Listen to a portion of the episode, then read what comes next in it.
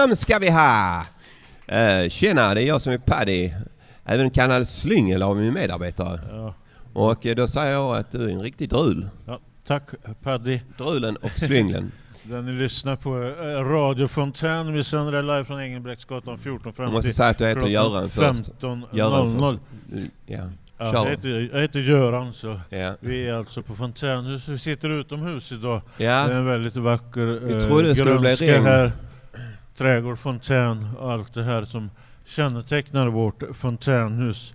Ja, vi, vi befinner oss i hjärtat av fontänhuset, alltså i trädgården där folk jobbar varje dag för att vi ska kunna sända här ute kan man väl säga. Ja. En eloge till fontänhuset som har Ja. öppet. Vi, Och, följer, vi följer direktiven under corona som vi har öppet som ett av de få fontänhus som faktiskt har öppet. Så det ja. en fin gest tycker jag.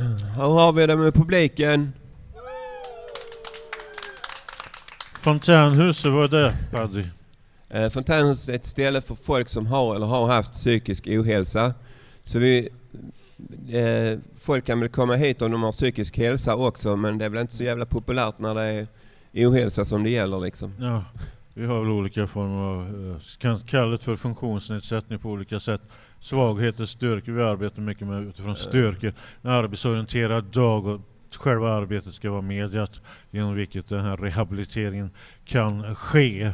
Och radiofontänen är en del i den här arbetsorienterade dagen. Vi kommer in mer och mer på programmet. Och, Vad eh, kommer det innehålla Paddy? Ja, det, det kommer... ehm, vi ska titta lite på Malmö bakom Sillas glasögon, att, att vara sig själv och eh, Peter på stan och lite annat smått och gott som ni kan lyssna på här i programmet. Ja, Fontänhuset är en plats där man kan på ett sätt vara sig själv, vad som är presenterat. Vi kommer in på det här med alternativ verklighet sen om att må dåligt, psykisk ohälsa eller må dåligt kan man kalla det också. Ja. Lite udda musik och så annat. Dikter också.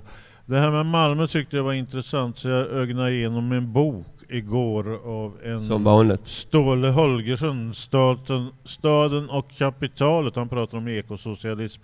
Malmö börjar bli industrialiserat på 1700-talet och sen nu med en mer postindustriell tid. Han tänker utan med sociolog, sociolog, socialt och ekologiskt och så vidare. Men han har i avslutet av boken en eh, dikt av Jacques Werup från 1974. Tiden i Malmö på jorden. Igår fick jag reda på att pildammarna grävdes av kedjefångar på Malmöhus. I början av seklet, på hösten, får man reda på mycket. Mig har allting kommit så nära nu. Plötsligt ligger världen i lilla Malmö. Woo! Vi lyssnar på vår kära medarbetare Silla om Malmö. Bakom Sillas glasögon, yes. Malmö. Ett Malmö vaknar. Ett gammalt Malmö möter ett nytt Malmö. Vimlet börjar komma allt mer och mer. Vi ska prata om historien om Malmö. För att förstå nuet måste man förstå dåtiden. Så lyssna nu på Malmö bakom Cecilias glasögon.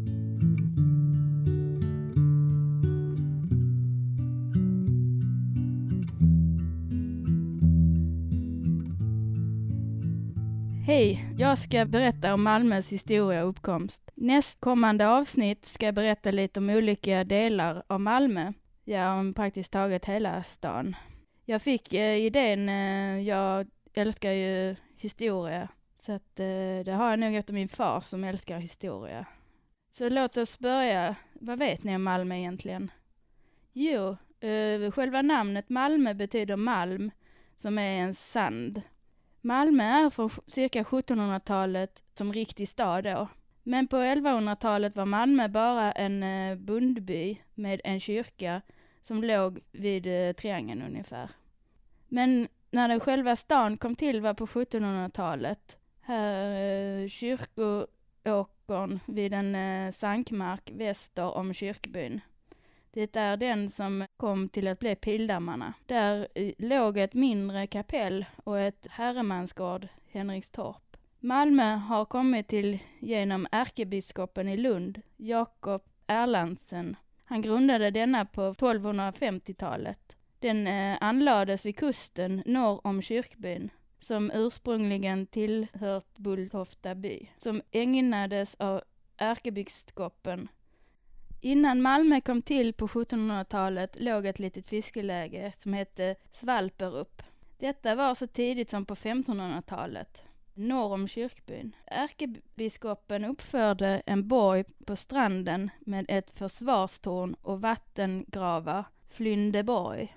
Flyndeborg försvarade den långa träbyggnaden som användes som lastningsplats för det pråmar, båtar för att varor mellan olika skeppen. På 1260-talet och in på 1300-talet skilde man på Malmö i två delar. Det var Malmö vid havet och Övre kyrkbyn. Bebyggelsen i Malmö övre hade försvunnit under 1300-talet. Den äldsta kyrkan i Malmö stad är från 1300-talet. Nikolaukyrkan, och sen, som senare blev Sankt Petri och Pauli. Mer om kyrkorna i avsnitt Malmös kyrkor. Ungefär när den äldsta kyrkan stod klar 1250-talet lär då rådhuset ha kommit att stå klart. Det låg norr om kyrkan vid Adelsgatan som var Malmös dåvarande torggata. Tyskarnas namn på Malmö är Ellenbågen, eller Ellbogen. Armbåge betyder det, som syftade på den eh, bågformade kuststräckan utanför Malmö. Genom tiderna har cirka en miljon människor bott och verkat i staden. Men bara en eh, femtedel av dessa lever kvar idag. En del hus finns fortfarande kvar, så historiens vingslag sitter kvar i väggarna. Det är konstigt. Malmö är inte som Malmö var förr. Allt förändras, hus rivs och moderniseras. Hela kvarter rivs och en hel epok finns inte kvar idag. Det blir ett helt nytt Malmö som dyker upp. Ett mer modernare samhälle, fast med prägling av det gamla. Hur levde man förr och hur lever man nu? Skiljer det sig mycket? Det tror jag säkert. Kvarteret Gamla Väster, det finns för ett gammalt Öster från början. Men när området Väster dök upp så försvann Österområdet. De så kallade västernbor finns inte kvar. I så fall får man söka intensivt men mot ett hopplöst letande. Efter rivningshysterin blev Gamla Väster ett attraktivt bostadsområde. Huspriserna sköt i höjden in under 1700-talet. Det blev dyrt och attraktivt område, inte som förr. Att bygga upp ett område är vi bra på, men att bevara det är vi dåliga på. Människorna bakom kulisserna. Bevara en svunnen tid. Smågatorna här i alla fall kvar och vissa hus och sina egna charm. På 1700-talet hade Fransuell inköpt borgmästarhuset. Han var nämligen en borgmästare under en tid i Malmö och står staty och tittar ut över kanalen mot centralstationen. Det var mycket handel på den tiden, men den avtog på 1500-talet. Då hade man fått in pesten. Här slutar jag med historien och hur Malmö kom till. Det finns säkert jättemycket mer, men en liten inblick hur svunna Malmö var och vem grundade den och så. Nästa gång kommer jag ta ett annat område i staden. Hoppas eh, ni vill följa med mig på färden. Tack! Ja. Ja. Ja, Hej, välkomna tillbaks. Välkommen. vi sitter här på Fontänhusets eh, ja, trädgård kan man väl Ja. säga. Kan det? Inner, innergården är väldigt grönt och Ja. vackert. Ja, Mal Malmö är ju faktiskt inte vad det har varit. Eh, det är väl mest MFF som består kan man väl säga. Ja. Eh, då jag tänkte närmare på den här kranen, som Kockumskranen. Mm. För när man såg Malmö i silhuett så fanns alltid den här Kockumskranen som en sorts symbol för att Malmö var en arbetarstad.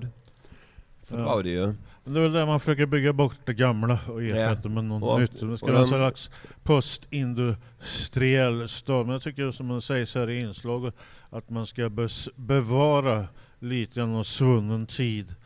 Lugnet har de ju rivit också. Nej, det, nej, det är inte bra. Eh, det var många som förlorade sina jobb där med, vid Kockumskranen också liksom. Det hade gått att kunna ha kvar Kockums om Svenska Varv tror jag hade investerat lite, eller det hade investerats lite i Kockums men så blev inte fallet. Ja, det var en intressant dikt du gjorde. Jag är inte Mm. själv så mycket för poesi för, förutom, den, förutom den jag skriver själv. Ja, Padre kommer in sen här i programmet med Ja. eh, diffusa eh, dikter. Och det var, det var Julia som föreslog att det skulle heta Ja, det, diffusa lä, dikt. det läste Jacques Werup. Så. Eh, ja, eh, Jag tycker, ja. om, jag tycker om en del poesi själv. Stagnelius, en gammal romantisk svensk diktare. Och Nils Ferlin har Nils. Ferlin, ja. landsman. Han finns, som, han finns som staty både utanför Klara kyrkan Vad- i vad- Stockholm och i tycker, du, vad tycker du är svårast? Att, att, att vara dig själv eller vara någon annan? svårast att vara någon annan. Så därför har jag valt att vara mig själv. Jag tänkte ibland att man kan vara som man är presenterad. Det finns inom religiös mystik det här att vara sig själv som presenterad. Och det behövs inte vara så mycket om sig eller hit och Mm. dit. Precis som jag skapas nu. Finns det en sån tanke. Det är rätt Ja. intressant. Men vi har en av våra medarbetare här, Simon. Att vara sig själv ja. om Ja, kör vi. själv. Vara dig själv. Jag har nästan alltid varit mig själv. Jag har haft de kläder jag vill ha och jag har haft den frisyr jag vill ha.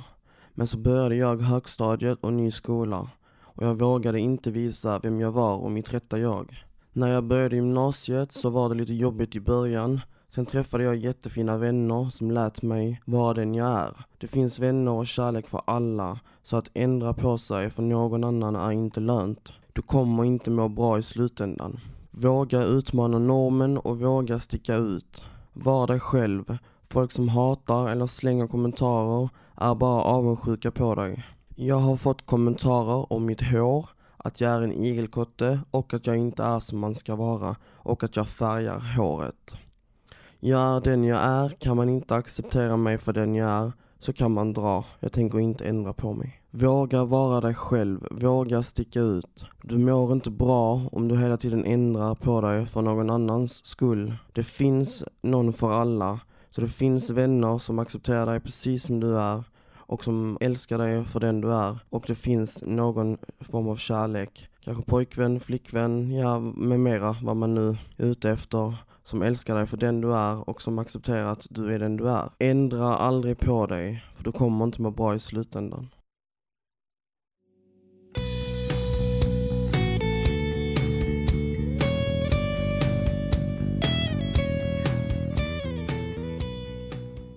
Hallå, vi är tillbaka igen mot alla odds. Nej.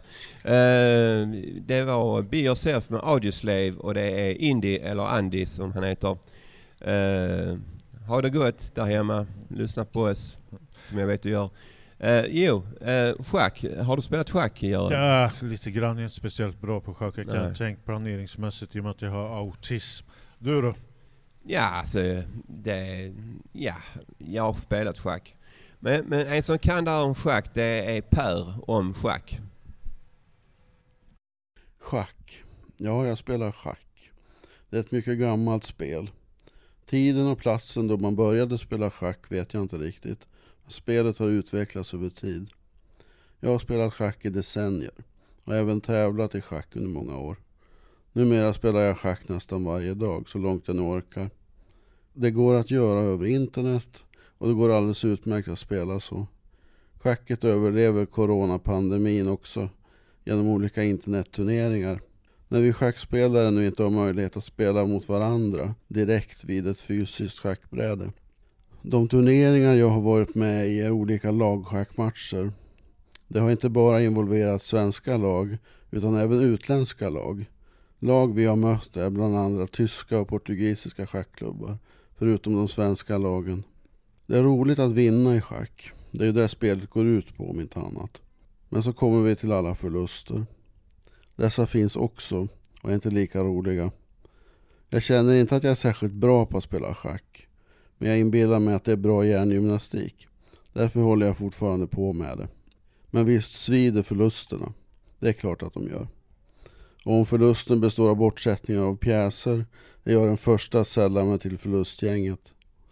En bortsättning är en schackterm som innebär att man placerar en pjäs på en ruta där den kan bli tagen utan att man själv ser hotet från motståndarens pjäs. Det kan exempelvis vara att man placerar sin dam på en ruta där en löpare kan ta den utan att man själv har sett så att löparen kan ta damen innan man flyttar. En löpare är nämligen mindre värd än en dam.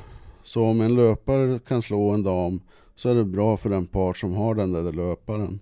Schack är ett komplicerat spel och det kräver koncentration för att man ska lyckas spela bra. Koncentrationen finns inte alltid där, men så sätter jag bort en pjäs och hela spelet vänder. Nu är det jag som står sämre helt plötsligt. Alldeles oavsett hur bra min motståndare är. Tappar man en pjäs genom en ren bortsättning är inte känslan av glädje och lycka det första man tänker på. Då har man ju förlorat åt sin motspelare och gett bort vinsten. Det är inte min motståndare som vinner, utan jag som förlorar om man säger så. Det där sker allt för ofta för mig. Och det är mycket därför jag inte kallar mig själv för en bra schackspelare. För det är jag inte. Jag motionerar min hjärna, ja. Men det gör mig inte bra på att spela schack. Datorerna är idag så starka att de vinner över alla schackspelare. Jag tror inte att det finns någon schackspelare som kan slå den bästa schackdatorn. Så schackprogram och starka datorer är helt värdelösa att spela mot eftersom man bara förlorar. Men schackprogrammen kan, om det är på en stark dator, användas i analyser av ett schackparti. För att man där kan se sina egna feldrag och lära sig något av det. Orange Juice and Christmas Must Part 4 Song number 1 Grown Up Kid Take 2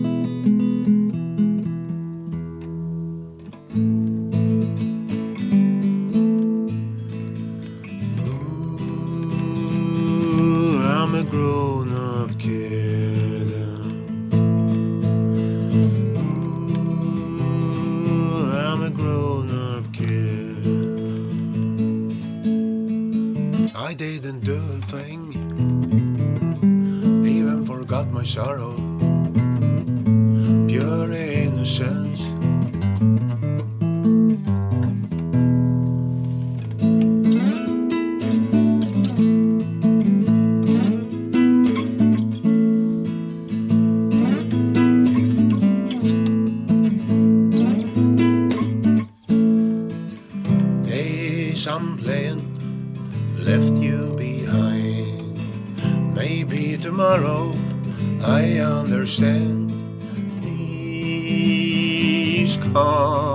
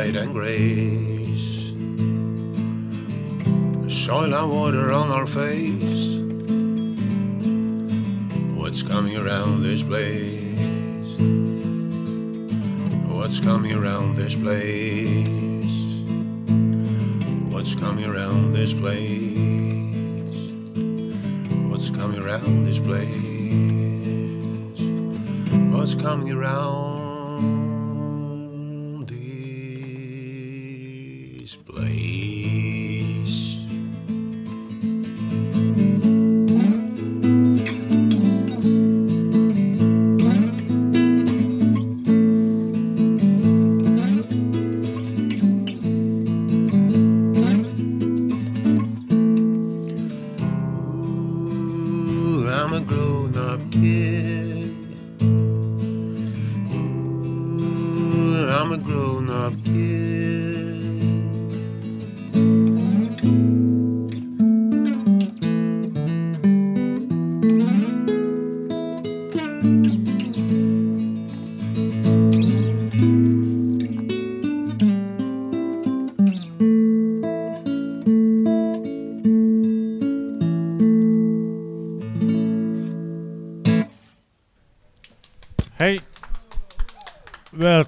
Tillbaks. Vi lyssnar på radiofontän. Den ni hörde var Bengt Lidén, eh, vår egen trubadur. En Ja. fenomenal oortodox gitarrist. Jag tror han är självlärd och eh, han har väl en Mycket förmåga. Han, han, han är som en walking jukebox. Ja, precis. Maträtter.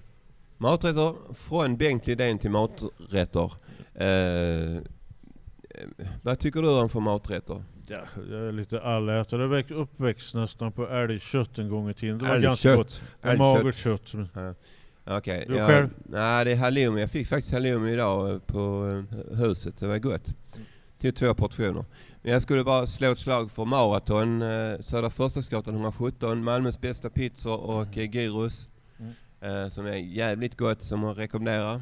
Jag brukar gå dit ibland och äta. Jag tycker också det är gott. Det heter Ja. alltså maraton. Så Men nu får vi tänka på tiden här. Mm. Alltså, vi får tänka på tiden här. Vår kära medarbetare här, Peter, på har varit ute och frågat på stan. Vad är Vi din godaste maträtt? maträtt?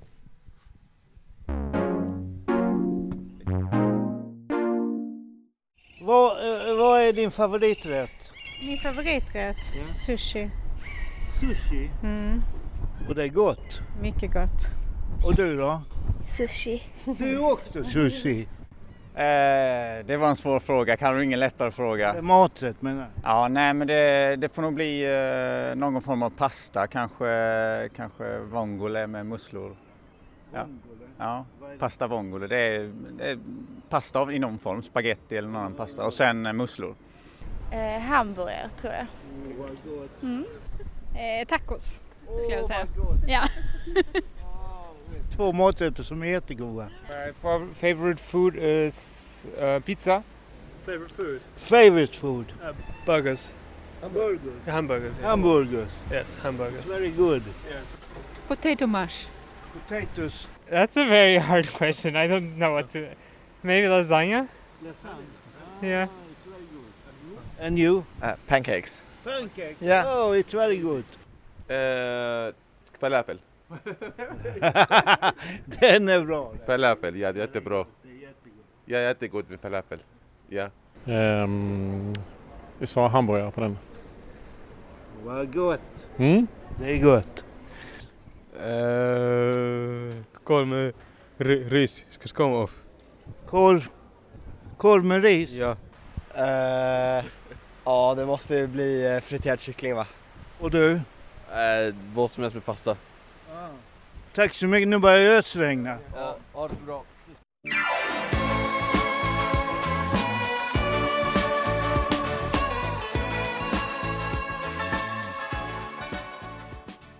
Yes, vi är tillbaks. Och publiken är betagna av vårt program liksom. Det är helt Tack. otroligt. Kul att du uppskattat. Ja, Den ni precis. hörde var... Dancing Queen med ABBA. Men vad fan, ABBA var väl sån kaviar eller vad var det? Ja, det var väl någon kaviar också. Så. Ja, ja. Jag tycker nog bättre om kaviar. faktiskt. Dancing Queen kom när kungen och Silvia skulle gifta sig. Bordtennis buddy. Ja, bordtennis. Jag har spelat bordtennis i 12 år innan eh, min tränare gick bort. Och eh, inom varje match så gjorde jag meditation, jag mediterade och till slut så leviterade jag så jag kände att en del av min kropp bara svävade upp. Men jag såg inte, jag såg, det var inte en nära, dö, nära döden upplevelse utan det var, jag bara kände hur allting bara... Uh, det finns inom religionsfilosofi alternativa medvetandetillstånd. På sanskrit har man över 20 termer för medvetande. Jag kan tänka mig att människor kan ha genombrottsförlopp där man ser igenom sin egen inre verklighet och Ja. även bakom kulturella paradigm och kanske ser verkligheten som den de facto är. Som presenterad till exempel, finns inom fenomenologin. Nu- Fredrik har gjort en betraktelse som det alternativ verklighet. Vi hör på det. Ja. Hej! Jag tänkte lite på det här med alternativ verklighet. Det kan ju hända att man blir osäker. Är detta verkligen verkligt? Man kan ju checka av med någon. Aha, där är verkligheten. Den var fortfarande där. Puh. För min del är det väsentligt att man kan försöka se verkligheten på olika sätt. Den här verkligheten kanske ändå är en simulering. Simulering. Det kanske inte spelar någon roll eftersom den verkar vara så pass verklig. Man kan känna saker som mening, lycka och glädje. Visst, det är okej. Okay. Det är okej okay, vilket fall som helst. Men låt säga att man lyckas genomskåda allt. Man märker att det är en simulering och plötsligt vaknar du upp. Tänk om. Som till exempel i Matrix. Man kan ju tycka vad man vill om den filmen, men tanken är ändå intressant. Det finns ju fler referenser här. Man skulle kunna nämna till exempel Jesus. Han sa att den här verkligheten, den spelar ingen jättestor roll.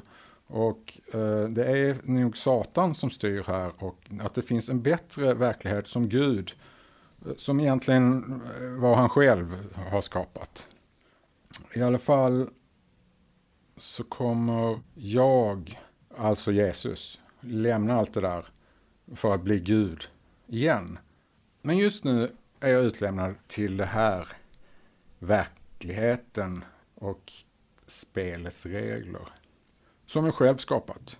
Vi skulle kunna skylla på Satan eftersom det är dåligt. Och det var ju just det som vi inte vill ska hända. Ja, det var så han sa. Jesus. Så är det kanske att ni själva har skapat simuleringen. Eller så är ni program allihop i min simulering.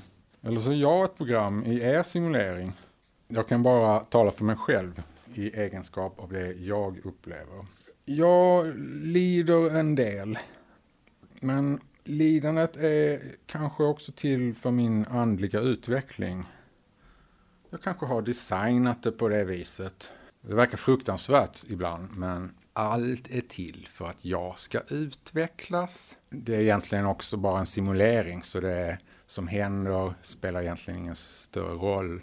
Men för mig själv. Och möjligen kanske någon mer som är inkopplad till samma simulering frivilligt. Ja, filosofiskt liksom. Jag kan inte veta om det här stämmer. Men eh, det kanske är just också något som ingår i själva designen. Att man inte vet. Eller så är det kanske inte heller jag som har gjort simuleringen. I Matrix så är det ju en ond levande artificiell intelligens som har designat allt för att förslava mänskligheten. Det tror jag inte själv på. Eh, men att en levande artificiell intelligens skulle ligga bakom, det kan jag tro en levande artificiell intelligens kommer uppstå förr eller senare. Det är bara en tidsfråga. Det uppstår något som kallas singularitet. Det betyder tekniskt framsteg utan motstycke. Den utgår från ett, som i det här fallet är den första levande maskinen.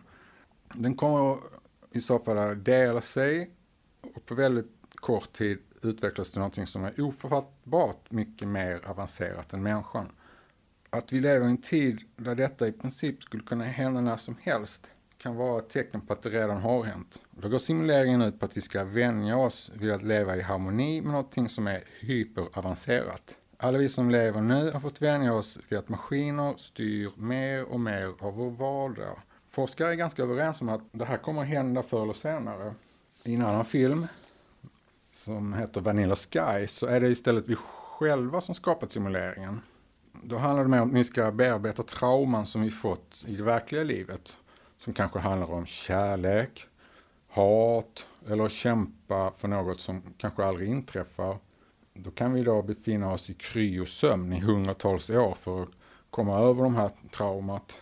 Vi kan också drabbas av någon skada eller en sjukdom som för vetenskapen är omöjlig att lösa just då. Vi får vänta. Vi får då underhålla oss själva i simuleringen till vetenskapen kommit längre. Eller möjligen så är vi bara där för att simuleringen är så fantastiskt mycket roligare än den riktiga verkligheten. Ja, vad vet jag? Ja, hallå. jag var uppe bland molnen. Uh, uh, jag, jag, lider en hel del jag också för att uh, jag, jag, vet inte vad simulta, simul, simultering betyder. Alltså, simulering pratar, simulering, Fredrik, simulering pratar Fredrik om. Det är väl att man Eh, Eh, ger en människa en uppfattning om en sak som kanske inte stämmer med ett egentligt förhållande. Det talas i det här inslaget om lidande och andlig utveckling, så jag kan tänka mig att människor utvecklas genom lidande. Det talas också om artificiell intelligens och annat. Det är rätt så, vi, har, eh, vi har varit inne på det där tidigare. Vi pratade om de första levande maskinerna. Det finns olika riktningar inom medvetandefilosofi. Jag har sett den här Matrix som eh, Fredrik eh, hänsyftar till. Eh, Den är väldigt bra och den handlar också just om alternativa verkligheter. Vad är verklighet och vad är inte verklighet? Och det var mycket, jag vet inte, var det mycket dat- datorer ju Fredrik i den filmen eh, Matrix? Ja, okej det var det. Det är rätt intressanta perspektiv. Vi har hållit på med det inom medvetandefilosofi Ja. och mycket annat. Jag ska inte belasta er för mycket så att eh, ni mår dåligt. Nej, nu mår jag dåligt. Vi lyssnar på vi, ska, vi ska lyssna på om att må dåligt, Angela.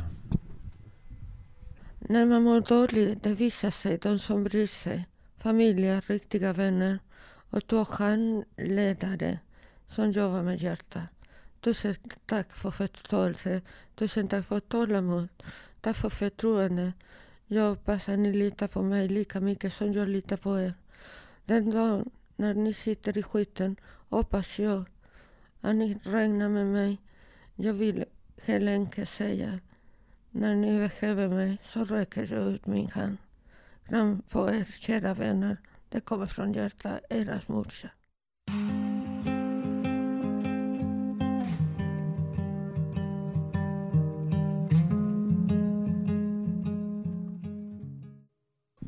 Hallå? Yes, we're back. Ja, Eh, hörde I will be back, som den- uh, Schwarzenegger säger. We will be back. Den We will be back. Den hörde var svag. Okej. Någon Okej, som- ja, men som det var- det var nöjd. "Äh, svag av Det var, Victor det var Li- nö, nöjd publik. Leksell." eh, Ja, vi borde stoppa upp han. och Patric, Patricia. Ja. Så svaghet, Paddy, har du någon Ja. tanke om det? Svaghet versus styrka då. eh, En poet som heter Elmer Dictonius, han hävdade att de svaga är just de starka. Ja, jag har sett det där hos Paulus, när jag är svag då är jag stark och så vidare. Nutida kultur tycker jag utvecklas till mer och mer fascistoid och tror på den styr, starka människan. Det finns ett visst förakt för svaghet. Så. Ja, och jag har mött, eh, det är många vänner som har dött av narkotika och självmord och sånt. De har varit jävligt fina människor alltså. Jävligt smarta, men de var inte smarta nog för de gick på narkotikan. Eh, Men jag har det, ska, lite... det skapar väl också en viss sårbarhet. Man använder olika substanser. Ja. Så. Ja, vi har ju diffusa dikter med Paddy som vi... Paddy skriver dikter också, fina Ja. dikter. Vi lyssnar på Paddy. Ja. Diffus dikt nummer ett. Detta är en form av dikt. Allt annat är strikt. Hoppas du inte får hjärtsvikt. Mitt liv har varit fullt av piller, tjack, alkohol. Haschpsykos, det är för fan mer än vad man tål. Skål alkohol, ditt mål borde vara större än så. I vår kultur är alkoholismen en censur. Men helger är det okej att ta en sup eller två. Kalla fakta att betrakta. Du dricker och sticker ner någon. Det var ju inte din mening, du är ju inte sån. Ja, det är väl bra. Antabus var inget jag ville ha. Men efter det hoppade jag in av min destruktiva bana. Är straight edge nu. Spana in mig vilken stil jag har. Måste spara på de hjärncellerna jag har kvar. Spolar kröken, inte tid för spöken. Ingen sprit går inte dit. Det finns något som heter självrespekt. Jag är ingen Svensson, jag går inte i folkdräkt. Diffus dikt nummer två. Vi lever i ett litet land. Det känns som ett blodigt tandkött. Spottar ut det, alla vänner som har dött. Jobbigt i mitt huvud. Ser rött. Politiker ljuger som fan. Sparkar på en liggande man. Stålar hit, stålar dit, plus minus noll.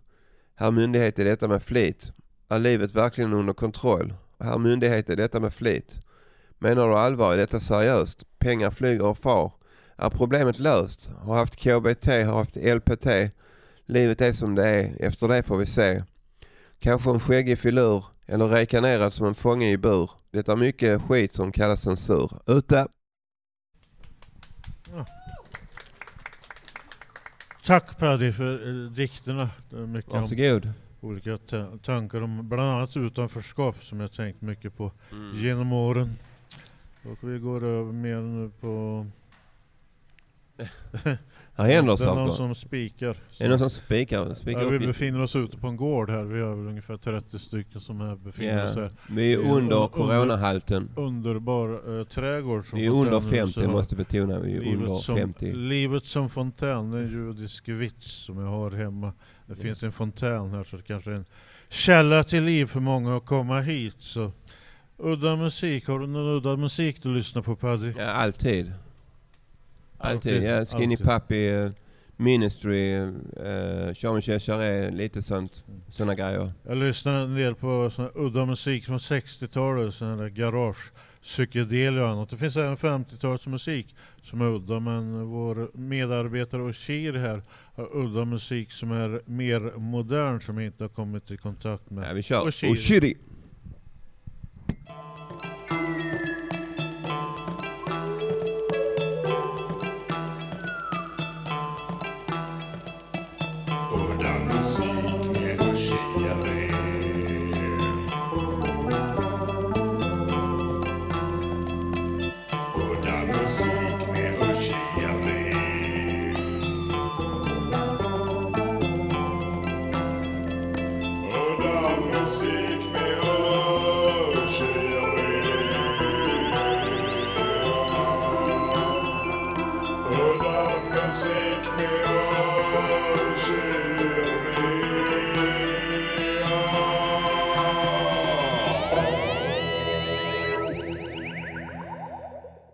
Hejsan alla glada guldrötter! Som vanligt har Nuss gjort gängen och jag tänkte spela en liten kämpegod låt från er av Ylvis. Det har gjort en jättemånga goa låt som heter Old Friends.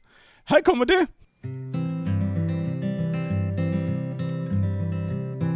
I saw you at the railway station. There had been a cancellation. Och det är jag som heter Ushiri som har gjort den eh, tolkningen av norsk. Eh, och jag tänkte fråga dig Edvard, du som kommer från Norge, vad tycker du om min uh, norska dialekt? Jag tycker den är med kämpegod. Du ska fortsätta på det viset och det är riktigt roligt när du provar nya dialekter. Ja, tack ska du ha Edvard! Som vanligt är musiken på Spotify och Youtube under Udda Musik med Oshiri. Ha en skicklig dritt! Hela sommarglada gitter och spis massa gulor. Daus! Ja, vi är tillbaka. Det var, eh, ja, det var Oshiri. Mm, det var m- med Ylvis, det var någon norskt gäng. Påminner lite om Simon Garfunkel längre tillbaka. Everly Brothers eller till exempel Crosby, Stills and Nash eller Crosby, Stills and Nash Men, Young. eh, ja. Du Jag hade en fråga där till mig. Ja, jag frågade eh, vilket tycker jag bäst om? Sol, sniglar eller film? Jag skulle eh, En- Du får välja bort en. välja bort en. Ja. Sniglar. Nej, fel. Sol, haha. Sol. Ja.